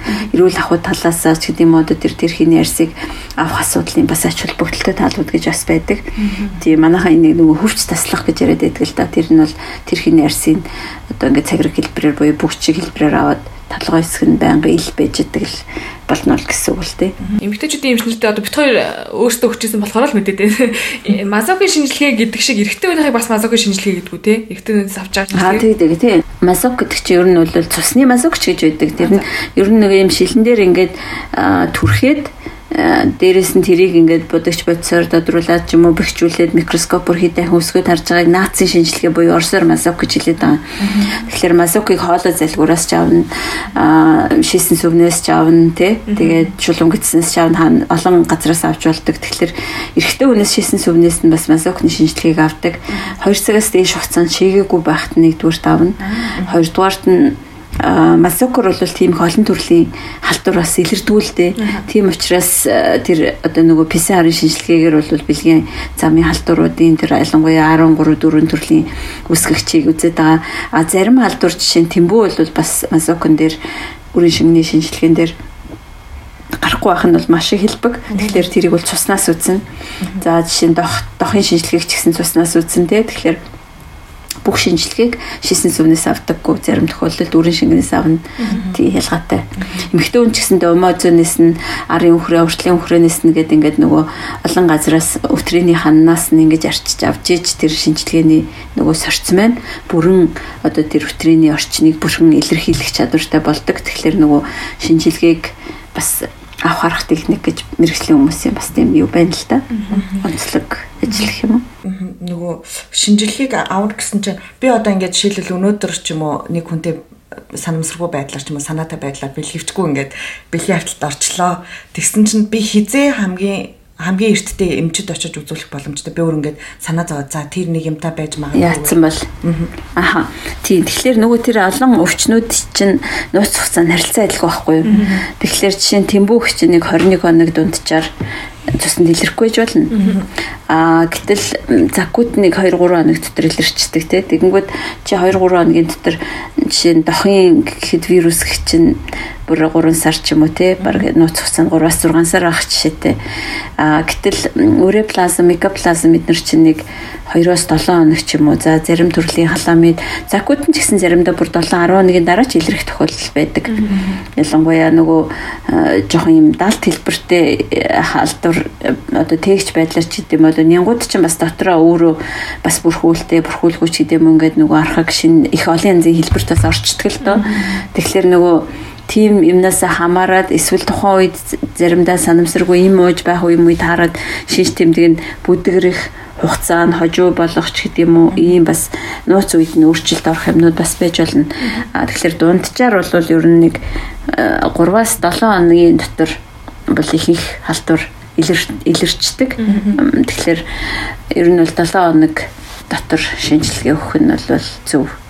Тэгээ цусны шинжилгээг бол эрсдэлтэй хэрвээ тэр үед бол цусны шинжилгээ 7 хоногийн дотор өглөө гэхэд бол зарим тохиолдолд юм гарахгүй магадгүй гэсэн үг. Тэгэхээр хэрвээ тийм эрсдэлтэй тохиолдлуудад бол заримдаа за нэг хэд хоногийн дараа 14 он жоо цусны шинжилгээ дахиж өгөөрэй гэдэг юм ч бас илтгэлтэй. Манай манайх нэг сонсогч саяхан нэг бичиж орж ирсэн маа. Би ингээд яг ямар өвчин юм сайн мэдгүй ямарсан бэлгийн замын өвчин ингээд эхлээд тусчаад тэгээ дараа нь идгээ тэгсэн чинь ахиад тусаад ингээд би 3 удаа тусчаад байна. Энэ одоо яах вэ гэдгсэн баггүй. Тэгээд би энэ одоо давтаад байд юм уу эсвэл эмчилгээг нь дутуу хийгээд байна уу? Ямар учиртай юм бол? Аа тэгэхээр бас зарим төрлийн өвчнүүд бас одоо сүүлийн үед энэ эмийн замбраагүй хэрэглэнээс болоод эмчилгэхэд бас хэцүү хэлбэр бас гарч ирээд байгаа. Зарим эм нь төсвөртэй болцсон байдаг зарим нянгууд. Аа тэгэхээр нөгөө тэр жишээлбэл микоплазмын зарим хэлбэрүүд жишээ нь эмчилэгдэхэд маш хэцүү байдаг хэлбэрүүд бас гарч ирдэг тэр нь одоо нөгөө нянгийнхаа өөрийн бүтцээс болоод бас зарим юмуд чинь одоо нөгөө зөвхөн эсийн ханд үйлчилдэг бол зарим нь эсийн өөрийнх нь одоо бүтцэд нь бүр уургийн бүтцийн нөгөө бөөм гэж ярьдаг те тэрэнд нь нөлөөлдөг гэдэг эмүүдийн бас онцлог байдаг л та. Тэгэхээр тэрнээсээ болоод бас э, тэр зарим нянгууд чинь олон өмнө хэрглэж исэн эмүүдээ ороод ирэнгүүт гадуураа бүрхүүл үүсгээд тийм э, тусгай хэлбэр чилжчихдэг. Тэгэхээр нөгөө бактериуд хүртэл нянгууд хүртэл одоо ухаантай байдал гэдэг шиг юм бас үүсдэг байхгүй юу. Тэгэхээр тийм хэлбэрт орцсон өвчнүүд бол бас заримдаа нэг байтугай 2 3 курс эмчилгээ хийгдэж жаад эмчилэгдэх тохиолдлууд бас байна.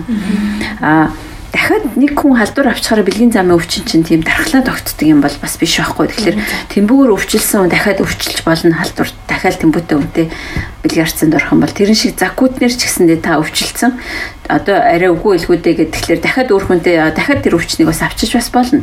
Тэгэхээр үнэхээр л нэг удаа өвчөө авсан л бол та дараагийн удаад бэлгэвчээ заавал хэрэглээч хоёрдугаарт нь битгий олон одоо хүнтэй эрсдэлтэй харьцаа үүсгэж л гэдэг аахгүй тий. Тэгэхээр үнэхээр найдвартай гэж одоо бодож байгаа хүнээ яхан бол бүр болохгүй л одоо сүүлийн үед баг хоёлын шинжилгээ өгч байгаад гэж баг бэлгэрцэнд орох уч хэлэх юм чаашаа. Тэгтэл ер нь тий одоо үнэхээр бүр serious үнэхээр ноцтой одоо үнэхээр хүнзэрий гэж бодож байгаа бол бас баг одоо насанд хүрсэн хүмүүс анхны биш тохиолдлууд бол одоо баг ярилцсан ч ураг дээр гэж магадгүй л дээ тий. Би бас яг нэг тийж хэлжсэн тохиол гин цаанд орчлоо. Би шинжилгээг харуулъя чи шинжилгээ харуул за тэгээ тулъя. гэж хэлж байлаа. Тэгээд чинь дуулзъя. Үнэхээр бас ихтгэлтэй тийм дотн бол биш бол бас яга болохгүй гэж тий тэр чинь чиний л эрүүл мэндийн асуудал юм чинь. Чи л өөрөө хариуцлагатай байх хэрэгтэй шүү дээ. А зөвөр үнэхээр тэгж хэллээгээд нөгөө үнэн жишээ нь ингээд бай гэх юм бол бас тэр хоёр уусаа ч өөр ойлголцохгүй ч хүмүүс ч байсан билүү гэж бас бодож болох л ахaltaа тий. Сүүл нь янз бүр өвчөө авчаад өөрийгөө харамс сууж яхаа баг тэр нь шулах шүү дээ. Тий одоо юм анхны бэлгэрцэнд орох гэж байгаа биш бас тэр талаас бараг шулуухан байж магадгүй тий нөгөө ингэдэг байх гэж бодож байна. Би айгүй олон эмэгтэйчүүд одоо эмнэлэг ч юм уу эрэгтэйчүүд эмнэлэг явмаар байдаг. Нөгөө эмчээс санаа зовдөг. Бэлгийн замын өвчин туссан байдаг. Тэгээ эмч маа намайг юуг бодчих бол намайг өстө явдалтай мавдалтай гэд тэр тэгж боддог уу? Аюу санаа зовдөг эрэгтэй хүмүүс ер нь бол эрэгтэй хүмүүс чинь өөрсдөө их нэрлэх хүмүүс. Тэгэхээр тэд нэр э, ер нь ганцхан бэлгийн замын алдарч биш л дээ. Ер нь бол өөрийгөө өвчтэй гэж сонсохоос эрэгтэй хүмүүс маш их айдаг байхгүй юу? Одоо чинь бэлгийн замын ч биш бай ер нь ямар нэгэн байдлаар өөрчлөлтөө гэд хэлэхлээр эрэгтэй хүмүүс эмэгтэй хүмүүс илүү их ямардаг. Аа тэгээд нөгөө талаасаа нөгөө өөрийгөө сул дорой гэж мэдрэх үе гэдэг ийм ойлголт эрэгтэй хүнд одоо энэ бид нар эрэгтэйчүүдийн аягүй юм багаас нь л амар э, чи эр хүн байх ёстой гэдэг ийм мессеж өгөөд өсгөнө гэдэг чинь хамгийн маа нуудаг байдал руу оруулаад байна л да. Тэгэхээр эртний хүн ч гэсэн өвдөн эрэгтэй хүн ч гэсэн бүх өвднөр өвчилж болно. Тэр дундаа Монгол эрэгтэйчүүд илүү хөвчилж байна. Тэгээд илүү эрт нас барж байна. Тэгэхээр нас баралт өвчлөл бол эрэгтэйчүүдэд нь илүү байгаад байдаг ихэнх өвчин дээр. Тэгэхээр нөгөө э, юу гэдэг бэлгийн замын өвчин биш зүгээр эрэгтэйчүүдийн эмчи зүгээр л уршин сэргийлэл үзүүлдэг хүмүүс маш их болцсон. Одоо бол манай дээр баг бэлгийн замын халдвар бол тийм их биш одоо үзүүлдэг хүмүүс зөндөө шинжилгээ өгөхөр ив ирүүл гардаг хүмүүс маш их байдаг. Аа тэгээд дээрэс нь зүгээр тэр хүн чинь хариуцлагатай хандж байгаа хгүй гэр бүлийнхаа үндэ хайртай байна. Би ямар нэгэн байдлаар бас э, эрсдэл бас болчих үедээ эсвэл одоо дараа нь ямар нэгэн миний нөхөрч асуудал асуудал э, хүндрэхээс өмнө ч гэдэм үү сэргийлээ гэдэг үднэс үзүүлдэг харуулдаг хүмүүс маш их болцсон байгаа. Тэгэхээр тэр бол айгүй баярлмаар. Эмчээс эмчээс бол санаа зовно гэдэг бол айгүй тэнэгчтэй тий. Эмчээс өөр тэгээ хинээс санаа зовлоо гэдэг өөрөө эмчлэхгүйгээс хойш эми санч танд эми чинь онши чинь тавьж өгөхгүй тэгээд шинж тэмдгээ хэлээд эми санчаас юм авчих гээд идэг хүмүүс бас байна байна. Бид нар бол стойчлаараа тий. Тэгээ чинь бодвол нөгөө нэг юунд байдаг гэдэг үү те нөгөө эмчийн ёс зүйд нөгөө одоо эмчилсэн хүнийхээ тодорхой хэмжээний нууцыг хадгална гэдэг ч юм уу тийм мэдээж байгаа шүү. Угсаал нууцлалтай шүү дээ мэдээж хэрэг бид нэр жишээ нь орж ирж байгаа хүмүүсийг э, ямар шинжилгээ өгж байгаа гэдгийг бид нэр өөрсдөө эргээд хариугийн жишээ та э, хариугийн би өөр хүнд өгж болох вэ гэхээр жишээ нь манай эмнэлэг дээр бол хэрвээ өөрөө ирээгүй тохиолдолд бид нэр өөрийн тухайн хүнээс нь уцтаж заавалжгүй асуудаг. Энд нэг хүн таны хариуг авна гэж байна. Энэ одоо өөрөө чинь гэр бүлийн өмнө бид нар эзэж тэрийг бол чинь тухайн хүний нууцлыг хадгалдаг.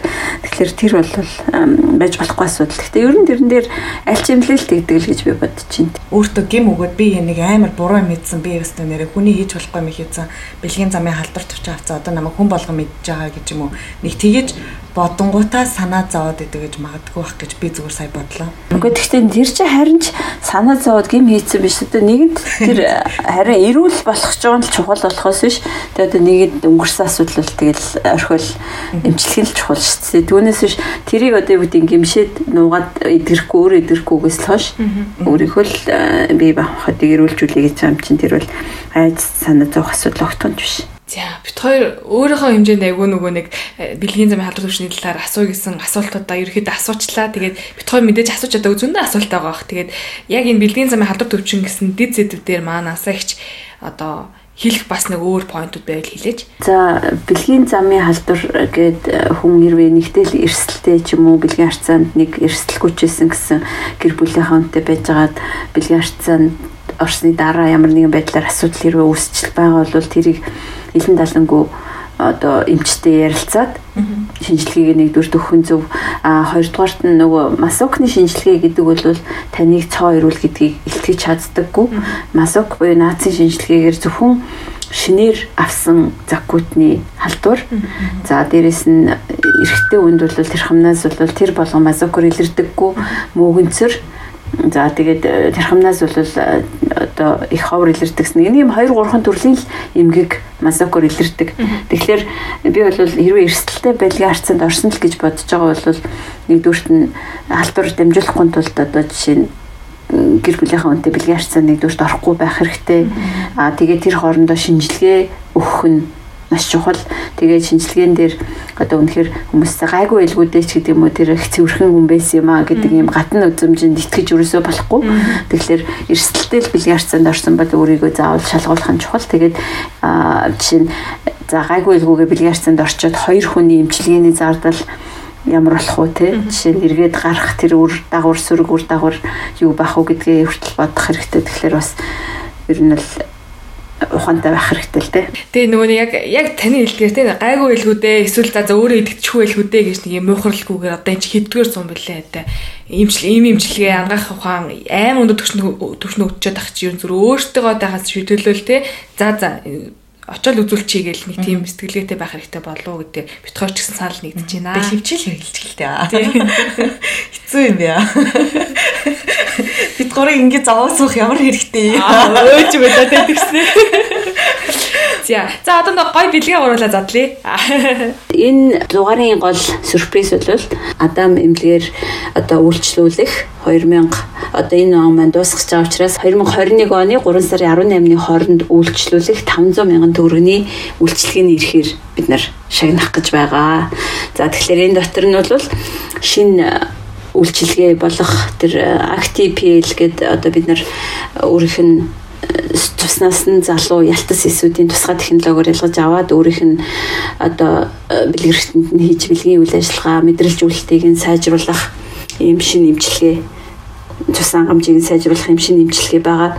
Тэр имчилгээний хийгдэх хоёр удаагийн ирэх ийм байгаа эсвэл одоо тухайн хүн эсвэл 500 мянган төгрөгөндөө тохирсон оншилгоо шинжилгээ эмчилгээнд бас хамрагдаж болно хоёр бас нэлийн гуйс юм а тийм унаасаа их чигүй эмгтээчүүд маань мацүрын эмч гоё бэлүү өгсөн та одоо гоё бэлүү өгөлдөө мөглдөө гэж байгаа.